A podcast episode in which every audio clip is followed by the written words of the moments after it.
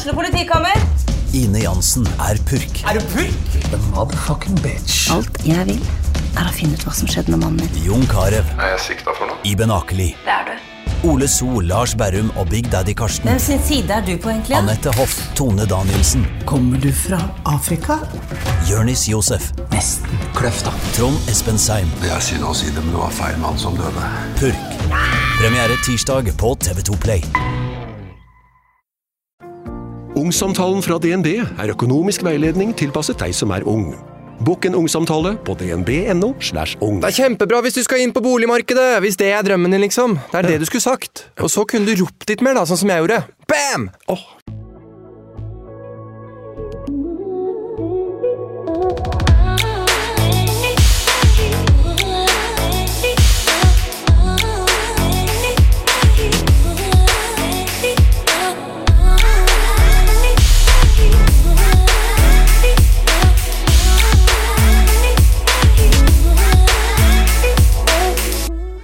I dag prater jeg med Julie.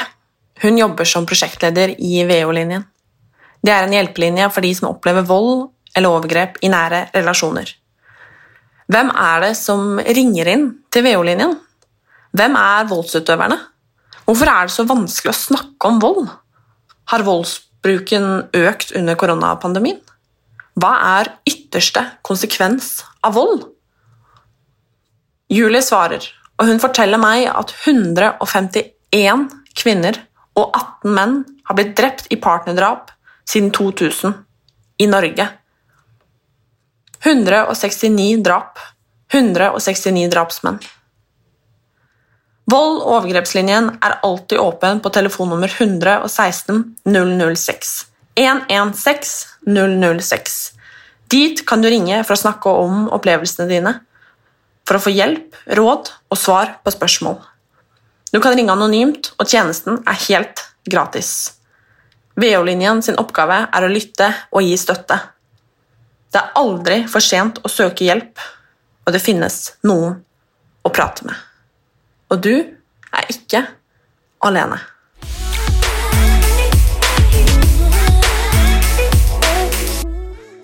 Hei, Julie, og velkommen.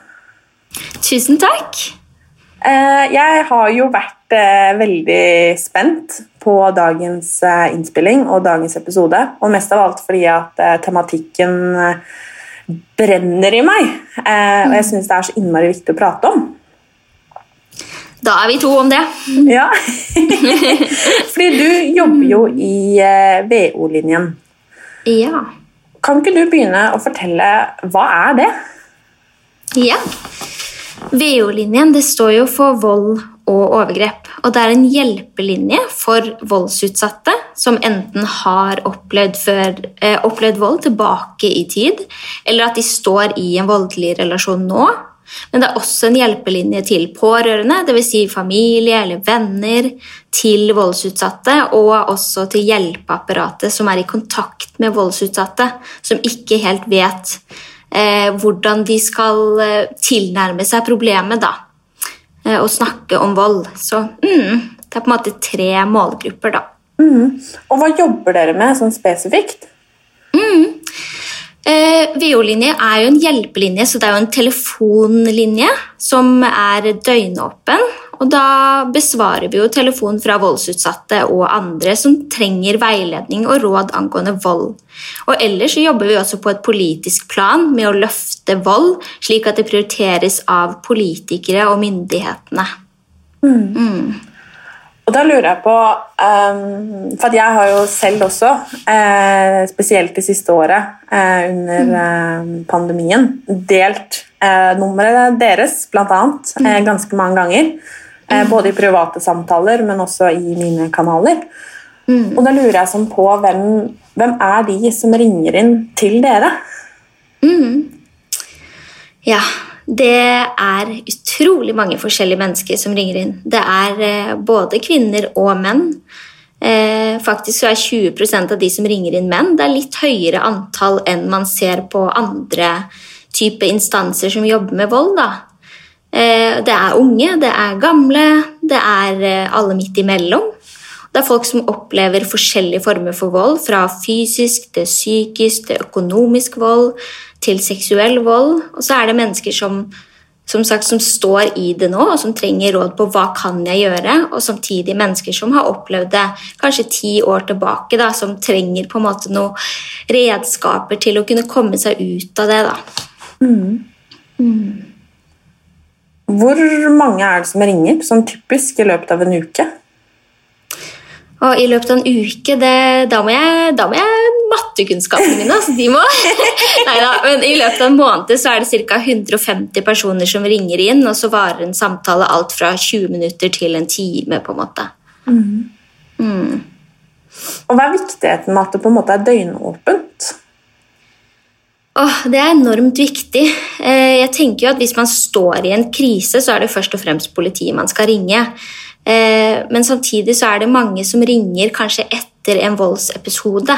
Og Det er vel kanskje da man også er mest motivert til å komme seg ut av det. og Da er det viktig at vi er tilgjengelige og kan komme med noen konkrete råd da, og noe informasjon om hvor det finnes hjelp. da, I forhold til hvor du bor og hvilken kommune du bor i. og ja.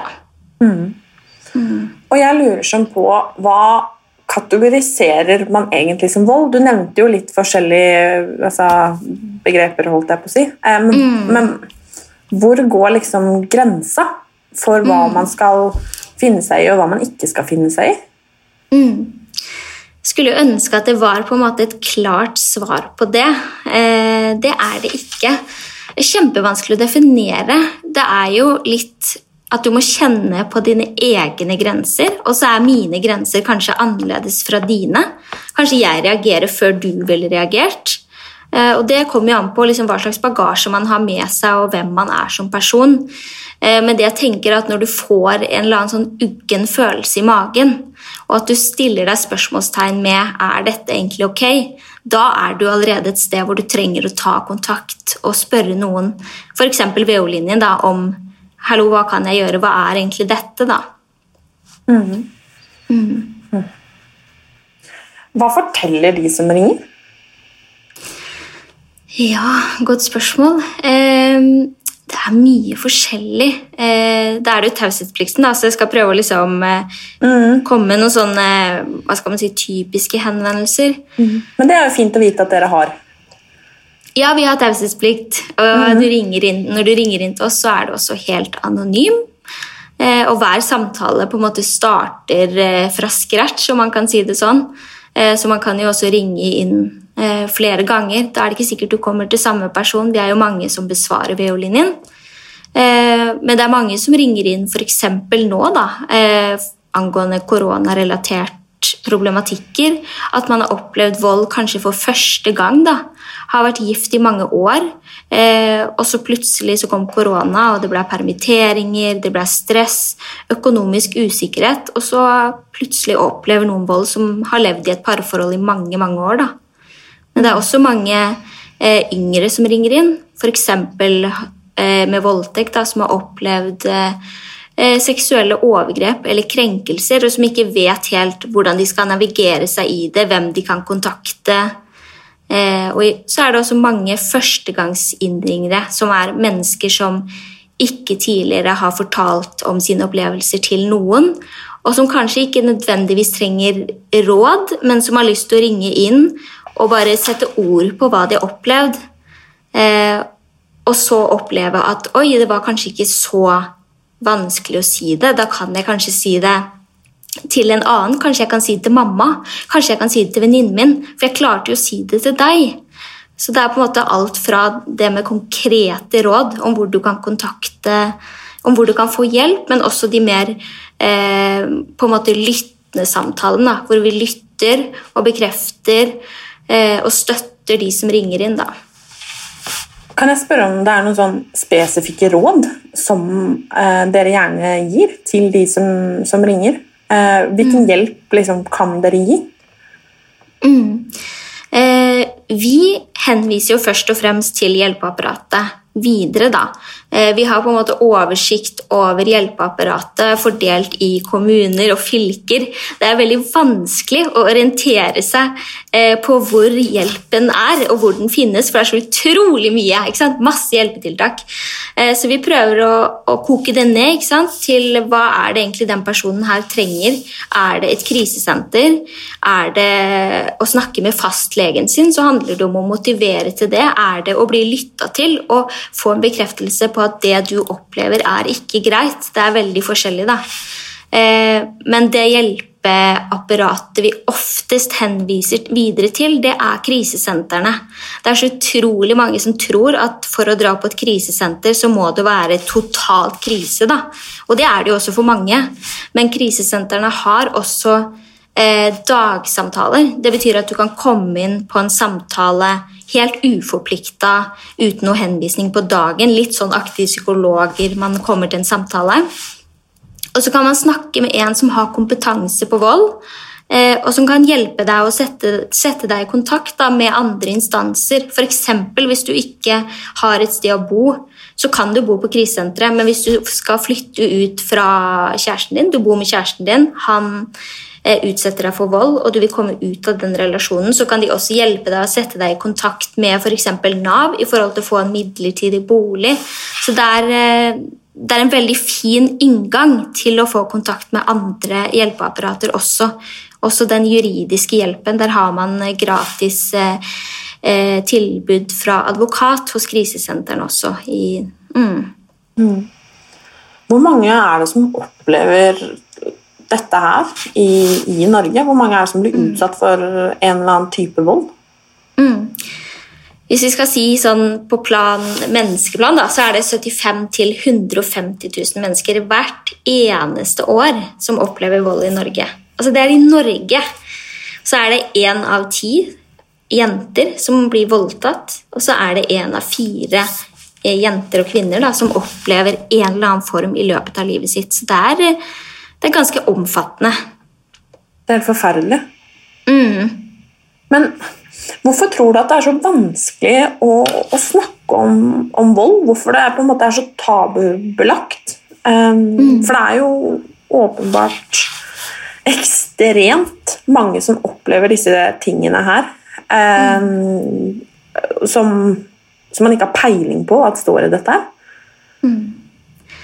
Jeg tror mange ikke helt kjenner seg igjen i den eh, rollen som voldsutsatte har hatt i offentligheten. Litt det der med at man skal ha blåmerker. og Det er ofte bilder av noen som står i en skygge med blåmerker og dekt av skader. Det vi prøver å formidle, er at vold er mye mer enn fysisk vold. Det er jo den voldsformen flest kjenner til. Men det er også masse andre voldsformer, som psykisk vold, og det synes jo ikke på utsiden. Eh, og seksuell vold, digital vold, materiell vold. Det er mange andre former for vold. Eh, og så prøver vi også å formidle nå at vold eh, det kan ramme hvem som helst. Dessverre. Jeg tror mange føler på en skyld og en skamfølelse. Og litt, litt den derre å, å være redd for å ikke bli trodd eller for å bli klandra for det som skjedde. Og så tror jeg mange er redd for å få den der typiske 'hvorfor går du ikke bare?' eh, kommentaren. Som er veldig hva skal man si, lett da, for utenforstående å, å slenge ut. Men det mange ikke tenker på, er at når du, når du er i en voldelig relasjon, så er det jo ikke sånn at det fra en dag til en annen bare bam, oppstår vold. på en måte. Det er jo noe som skjer veldig gradvis, og så flytter du grensene dine eh, gradvis litt og litt og litt, og da merker du ikke hvor langt du egentlig har tråkka over den opprinnelige grensa di. Så det er vanskelig å se. Man normaliserer volden. Det starter kanskje med sjalusi. Han skal bare sjekke telefonen din. Det er sånn små, små skritt, da, og så blir det mer og mer. Og så tenker du men det er fordi han bryr seg om meg, og det er fordi han tenker på meg. Så, ja, så man lager unnskyldninger for eh, den som utsetter deg for vold. Eh, og så er det jo også en, en eh, ambivalens. Altså, mange er jo også veldig glad i den personen som utsetter dem for vold. Vold i nære relasjoner. Det er viktig der, det der med at det er en nær relasjon. Det er en du kanskje er glad i eller elsker. som utsetter deg for vold. Og det kompliserer det veldig. At det er eh, en person som også er snill mot deg, eh, som utsetter deg for vold. Og det gjør det vanskelig å bare gå ut av det. Mange som da eh, ja, er ambivalente. De har lyst til å gå etter, kanskje etter en eh, voldsepisode. Eh, men så sier han kanskje unnskyld, og da er det lett å bli. Så jeg tror det handler mye om det at det er en nær relasjon. Det er mye skam. Vi snakker ikke om det. Det er veldig tabubelagt. Eh, og det gjør det vanskelig å be om hjelp, da. Skal man noen gang finne seg i, i vold? For jeg opplever av og til at jeg liksom kan høre det der at Neimen Litt sånn du sier disse unnskyldningene. At nei, men det var bare én gang. Eh, neimen, eh, personen jeg bor med, var så stressa. Eh, nei, jeg hadde gjort sånn eller sånn. Eh, Nesten som at man forklarer dem at man fortjente det, liksom. Men hvorfor, hvorfor tror du at det er, er sånn? Liksom? Og, og hvor mange tror du at på en måte blir værende fordi at det, det bare skjedde én gang? Og hvor går grensa på at man skal liksom gå? Og når skal man bli? Ja, Det er vanskelig spørsmål, for det er også veldig individuelt. Og så tenker jeg det er mange andre faktorer som spiller inn. Det der med om man har barn sammen. eh, Det gjør det også vanskeligere å bare gå eh, når du deler barn med noen. Så det er jo, jeg tenker at det er jo kjempeindividuelt, men hvis det er eh, vold, så tenker jeg at da, da skal man eh, ja, Jeg vil jo ikke si at da skal man gå, for det, sånn er det ikke for alle. Eh, men jeg tenker at man ikke skal bare akseptere at man blir utsatt for vold. Da tenker jeg at man skal snakke med noen. Det kan jo være fastlegen din eller en psykolog. Og så sammen med den personen finne ut om er det her noe jeg har lyst til å stå i. Er det her noe jeg har lyst til at skal skje med meg? Um, også det når man har barn, tenker på barna sine også. Og hvem er disse voldsutøverne? For det må jo være fryktelig mange av de også. Ja, ikke sant? Jeg tenker jo at eh, filmbransjen eller hva jeg skal si, da, har jo skapt et bilde av hvem de her voldsutøverne er. Som en sånn skummel skikkelse, et monster omtrent. Eh, og det er nok det som gjør at mange syns det er vanskelig å, å kjenne seg igjen i at de blir utsatt for vold. Fordi det er jo bare kjæresten din, eller det er jo bare faren din, eller eh, onkelen din eller vennen din. Og så det er helt vanlige mennesker som har eh, noen utfordringer selv som gjør at de har noen uhensiktsmessige måter da, å håndtere egne følelser på. Eh, så jeg tror det er viktig å liksom ja, være klar over det, at det er eh, helt vanlige mennesker som utsetter andre mennesker for vold. Da. Jeg tror ofte man tenker at man kan se på noen, liksom, eller at man skjønner eller at man merker. Men sånn er det ikke. Nei, og jeg tror veldig mange tenker at å, men jeg ville oppdaga det. Og det tror jeg nok til og med vi som jobber med det, sier sånn ja, men jeg ville det. Men det er jeg jammen ikke sikker på om jeg ville gjort selv, altså. Jeg tror det er- kommer så utrolig snikende.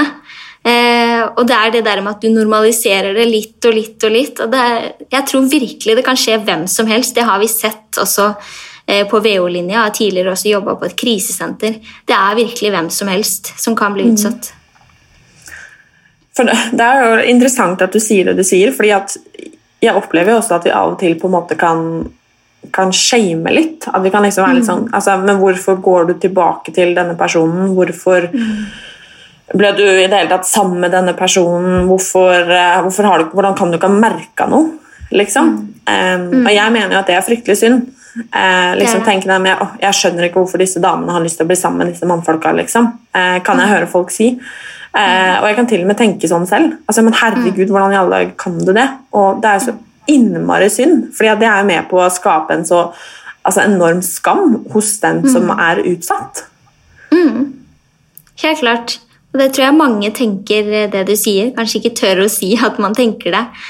Eh, Men ja, det er jo mennesker som også er snille. og Det tror jeg er viktig å huske på. At eh, ja, man blir utsatt for vold, men så er det kanskje at de er snille 60% av tiden. Og da, da er det kanskje litt lettere å skjønne hvorfor det er vanskelig å gå. Og så snakker vi jo om denne voldsspiralen. ikke sant? At Eh, man blir utsatt for en eh, Eller der oppstår en voldsepisode, og etterpå så har eh, voldsutøver kjempedårlig samvittighet og ber om unnskyldning og skammer seg og er kjempelei seg. Og så sier at det aldri skal skje igjen. Ikke sant? Og da blir man jo. Ikke sant? Det skal ikke skje igjen. Og så bygger det seg opp over litt tid. Eh, en irritasjon. Og så bam, så er det en ny voldsepisode. Så tenker du nå skal jeg gå, men så sier han jo igjen men jeg skal ikke gjøre det. Men jeg lover. Ikke sant? Det er den volds... Eh, det at det på en måte skjer igjen, eh, og at eh, voldsutøveren eh, unnskylder seg, det gjør jo at det er kjempevanskelig å bare gå. Hvorfor tror du at noen blir voldsutøvere, og andre ikke? Oi, det syns jeg er kjempevanskelig å svare på. Det vet jeg ikke. Det tror jeg ikke jeg har nok kunnskap til å svare på. Eh, Jeg tror nok det handler om at man har vært kanskje utsatt for noe selv. Eh, Det trenger ikke å være vold. Det kan være at du har eh, hatt noen utfordringer i barndommen din eller i oppveksten som gjør at eh, du har vanskelig å håndtere forskjellige følelser. Men eh, jeg er ikke psykolog, så det kan jeg ikke helt svare på. altså. Men vi vet jo det at um, hele verden, eh, og også vårt eget samfunn eh, i Norge, har vært ekstremt eh, pressa på mange måter det siste året eh, med koronapandemien. Eh, har dere merka for deres del at det har vært korona? Og da tenker jeg ikke med sykdom eller karantener eller det som hører med, men, men med vold. Det er vanskelig å svare på fordi altså Nå jobber jo også VO-linja under Krisesentersekretariatet, som er på en måte sånn den paraplyorganisasjonen for krisesentrene i Norge. Så vi har jo også ganske god oversikt over hvordan det har vært på krisesentrene i korona. Og det er utrolig store variasjoner, og så er det på en måte ikke noen sånne store hva skal jeg si, likheter hos noen. Men det man har sett, er at i de verste inn... Hva heter det? Eh, De, når det har vært ja, når det har vært ordentlig isolasjon, da, så har man sett at det er færre som tar kontakt. Og så vet man jo ikke helt årsaken det, til det, men man kan jo tenke eh, at det handler om at eh, man ikke tør å ta kontakt pga. korona.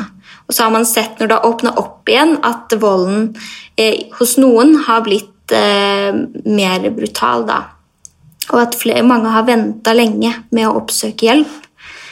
Eh, og så er det også noen voldsutøvere som har brukt koronapandemien eh, som en måte å kontrollere på. Eh, I form av å kontrollere eh, og isolere den voldsutsatte eh, ved bruk av smitteverntiltakene. Da. Eh, men vi har jo sett på VO-linja at vi har fått noen henvendelser siden korona med relativt sånn ny vold. da. Eh, mennesker som aldri før har opplevd vold, og som under korona har opplevd det pga. økt stress. Eh, kanskje har personen vedkommende mista jobben. Eh, de sliter med økonomien, og det er jo med til å påvirke at det blir mer vold. Det viser jo også all forskning, at volden øker når det er store kriser i samfunnet. da. Hva er egentlig ytterste konsekvens av partnervold? Eh, Ja, for det første så er det jo mange konsekvenser av vold, både fysiske og psykiske. Voldsutsatte kvinner har f.eks. mye høyere forekomst av kreft, av hjerte- og karsykdommer enn andre kvinner som ikke har opplevd vold. Og så er det også mange psykiske konsekvenser som f.eks. angst eller depresjon, søvnforstyrrelser og PTSD. Så det er jo eh, mange konsekvenser som varer mye lengre enn på en måte der og da når du lever med volden, men også i mange år etterfølgende. Men den absolutt ytterste konsekvensen av vold, det er jo drap. Og det er der hvor volden blir så grov og alvorlig at den ender i drap. Og det skjer dessverre altfor ofte i Norge. Altså De siste 20 årene så er det 151 kvinner og 18 menn som har blitt drept av partneren eller ekspartneren sin. Så det er jo ganske mange. Og så ser vi at eh, de generelle drapstallene de går ned, mens partnerdrapene de holder seg bare stabile. Så jeg tenker jo at å, det er så utrolig viktig at man tør å se, tør å spørre og tør å si ifra. Og mange er jo veldig redde for å bry seg, eller for å fornærme, eller for å ta feil. da. Eh, og det er heller ikke så rart, fordi det å bli utsatt for vold det forbinder man med mye skam. Men det at vi bryr oss, det kan jo gjøre at man redder et liv. Så man må tørre å være den eh, nabokjerringa som Gro Harlem Brundtland en gang sa. Eh, og jeg har jo selv sett levende eksempler på hvorfor dette er så viktig. Vi hadde f.eks. en kvinne som bodde i et leilighetskompleks med voldsutøver. De hadde flytta veldig mye fram og tilbake, eh, og så hadde de nå flytta inn i en eh, ny bygning med mange leiligheter. Naboen som bodde under kvinnen, hun startet å høre mange merkelige lyder som hun bekymra seg for. Og så tok hun tak i kvinnen en gang de møttes i oppgangen hvor de to var alene. Og så sa hun til henne at hvis du trenger hjelp, så er døren min alltid åpen. Da kan du komme til meg. Eh, og den voldsutsatte kvinnen der og da reagerte ikke og sa ikke noe. Eh, men tok det jo på en måte til seg. Eh, og så fortsatte naboen da å si det når hun møtte kvinnen alene i oppgangen. Og en stund etterpå da, så møttes de i oppgangen, og den voldsutsatte kvinnen sa da til naboen neste gang du hører en sånn lyd, så ringer du politiet. Og da var den kvinnen her blitt så redd for sitt eget liv at hun skjønte at nå, nå må det skje noe. Og så neste gang det da skjedde at naboen hørte lyder av vold, så ringte hun til politiet. Og da kom politiet og klarte å stoppe det som om få sekunder eh, ville blitt et drap. Så da, da eh, hva skal jeg si, Det understreker jo hvor utrolig viktig det er å tørre å ringe. Eh, og i det tilfellet her, da, som er på en måte bare ett av veldig mange tilfeller, så kan man redde liv, da. Eh, jeg tenker at det er så viktig. Sånn, før jeg selv begynte å jobbe med vold, så ville jeg nok kanskje tenkt i det tilfellet litt sånn Å, men skal jeg ringe, liksom? Blir de sure, eller er det nå? Eller overdriver jeg? Eh, men etter å ha jobba med vold selv, så har jeg lært at man alltid skal ringe.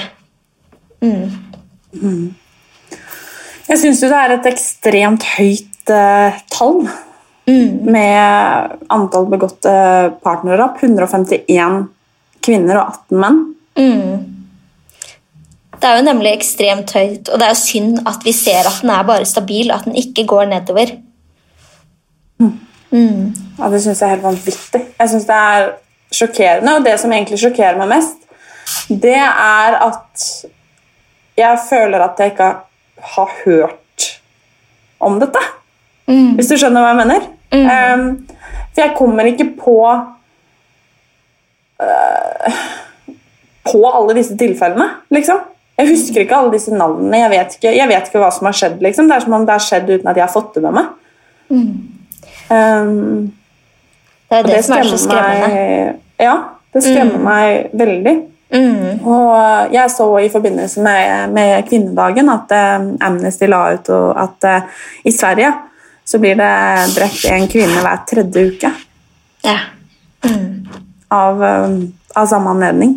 Eh, og det også er bare Altså, man hører ikke om det. Eh, og så skjer det så altfor mange ganger. Og det at det da også er så mange drap, men også så mange drapsmenn, da. Det er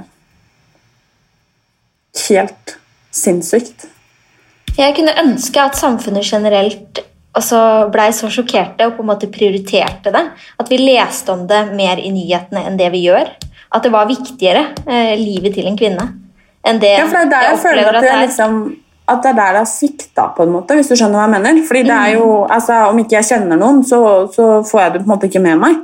Nei. Men det at vi ikke, ikke har hørt altså Vi leser ikke om det, og da får vi på en måte får vi det ikke med oss. Og jeg tror at naiviteten i oss kanskje tenker at det skjer ikke.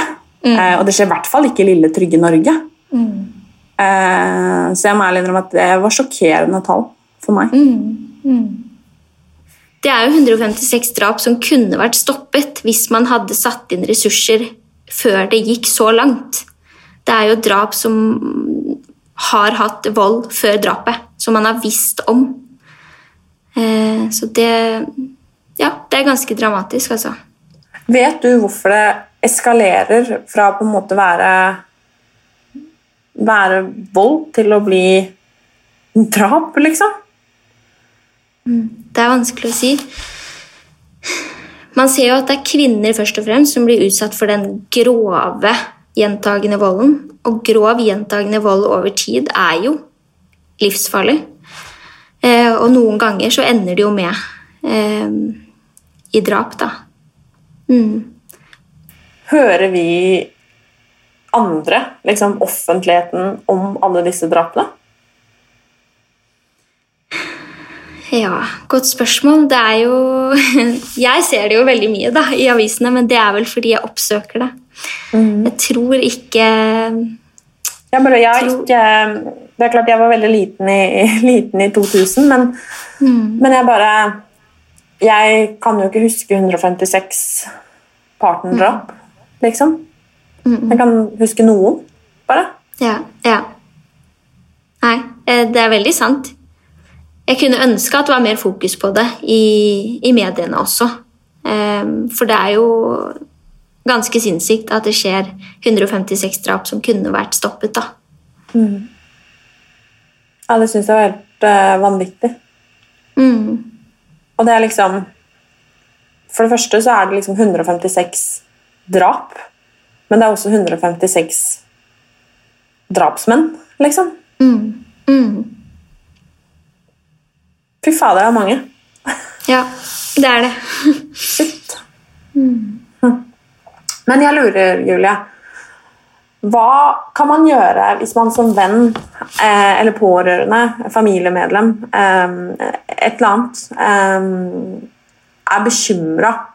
Enten bekymra fordi man har mistanker, eller bekymra fordi man vet. Hva, kan man da, hva kan man gjøre da? Ja, først og fremst så er det jo det helt banale. Snakke med personen. Spørre eh, går det bra med deg. Kanskje spørre mer direkte. Du, jeg ser at du for da ikke har vært så mye sosial i det siste. Jeg lurer litt på om du har det fint hjemme. Eh, eller jeg ser at du ikke har vært så mye på jobb i det siste. Nå er ikke det så relevant akkurat nå. Eh, spørre spørsmål, og så tåle å høre svaret. Eh, ikke få panikk, men eh, hvis du får et svar, så, så vit at det finnes masse hjelpeapparat du som pårørende også kan ringe til da, og få råd med hvordan du kan være en god venn. Eh, hvordan du kan eh, fortelle om hvilket hjelpeapparat som finnes til personen. Og så er det jo det med at å stille seg til rådighet tror jeg er veldig viktig. Det å bare si 'tror jeg er her hvis du har lyst til å snakke om noe, jeg skjønner at det er et eller annet. Eh, si ifra når du er klar. Det tror jeg er enormt viktig. Det er mange som tenker at åh, men så hører du ikke noe. Men bare det der at du sier at du er der, det kan gjøre at personen om en stund da, tør å fortelle deg hva som har skjedd. Når personen selv er klar for å oppsøke hjelp. Og det tror jeg er veldig viktig at eh, den voldsutsatte skal få styre sin egen prosess. Um, og at man ikke skal overta um, den prosessen for de, da. Vi har jo snakka eh, mest nå eh, om vold i liksom, parforhold, gjerne. Eh, eller altså, ja, da i nære relasjoner. Men vi har jo ikke nevnt eh, barn eh, i det hele tatt. Em, snakker dere noen gang med barn eller foreldre med barn som er redde fordi at barna deres blir, blir utsatt for vold? Nå er det faktisk sånn at Vold- og overgrepslinja har 18-årsgrense. Så det er fra 18 og oppover som besvares Altså som eh, hva skal jeg si, som er aldersgrensa. Men vi får jo noen ganger henvendelser fra barn, og da henviser vi de til alarmtelefonen for barn og unge. Eh, der er det barnevernet som eh, besvarer noen henvendelser derfra. Så vi henviser videre til de, fordi vi ikke selv har eh, kompetanse på barn, men vi har kompetanse på vold.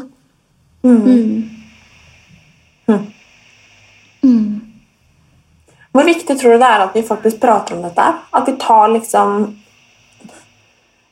Kverker den tabuen og den skammen som er knytta til det å, å være utsatt for vold, liksom. Hvor viktig det er at vi prater om det. Ah, jeg tror det er enormt viktig å sette ord på det. Eh, og gjøre det hva skal jeg si, mer normalt. Å kunne snakke om vold. Eh, jeg tror også de begrepene man bruker Det er så utrolig viktig at man har noen ord til å beskrive det man opplever. Eh, og til å forstå også det der med at vold rammer hvem som helst, virkelig. Og at det er mange former for vold. At man skal gå bort fra det at vold bare er det fysiske, men at vold er mye mer enn det. Eh, det tror jeg er veldig viktig. Å snakke om grenser også. Eh, tidlig. Lære seg fra barna at man har grenser. 'Dette er min kropp'. Det tror jeg er eh, enormt viktig. Hvis det sitter noen nå, Julie, og hører på eh, denne episoden, eh, som enten lurer på om det de opplever, er, er greit eller ikke greit, eller som vet at de blir utsatt for vold, eller trenger noen å prate med, har du noen tips til de? Jeg håper jo at de har lyst til å ringe til oss i VO-linjen. Eh, vi er et kjempefint sånn første skritt hvis man ikke helt vet helt hva man skal si, hvordan man skal si det, hva man har lyst til å gjøre. Du ringer til oss helt anonymt. Eh, og så kan du ta deg den tiden du trenger til å sette ord på det. Og vi lytter, altså. Eh, og hjelper deg.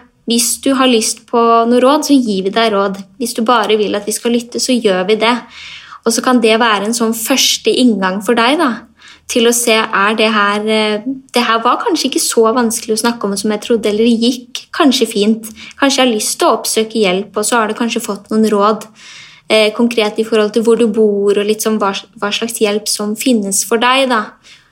Så det er utrolig viktig å snakke om det, og du kan som sagt ringe oss helt anonymt. Eh, og så får vi også en chat. Jeg skjønner at mange syns det er vanskelig å snakke om det i telefonen. Altså, jeg hater å snakke i, sånne kundes, med kundeservice på telefonen selv. Nå er vi overhodet ikke kundeservice, men jeg skjønner jo det der med at det kan være vanskelig å snakke om ting i telefonen. Så jeg, eh, det at vi får chat, det tror jeg kan gjøre at flere eh, tar kontakt med oss, og det håper jeg de gjør, at de kan skrive inn til oss. Én ting er i hvert fall sikkert, og det er at eh, det finnes hjelp å få. Både hvis man er voldsutøver, eh, hvis man er voldsutsatt, eh, eller om man er pårørende og lurer på hva man kan gjøre. Og jeg tenker i hvert fall det at eh, det er ingen som skal trenge eller behøve eh, å bære på disse ekstremt vonde hemmelighetene selv. Helt sant. Og jeg er så innmari glad for at dere finnes. Og eh, telefonnummeret deres og link til eh, hvordan man på en måte kan få kontakt med dere, det ligger i episodebeskrivelsen. Eh, hvis man tenker at man kanskje hadde trengt å prate med dere. Så bra. Da vil jeg bare si tusen takk, Julie.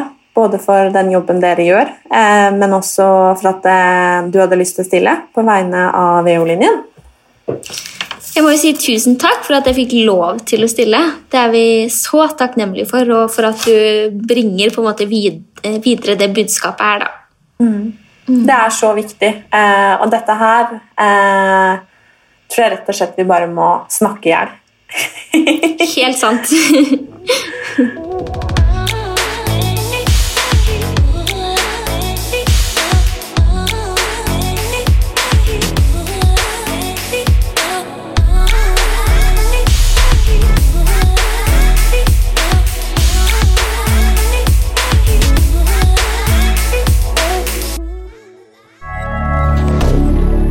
moderne media.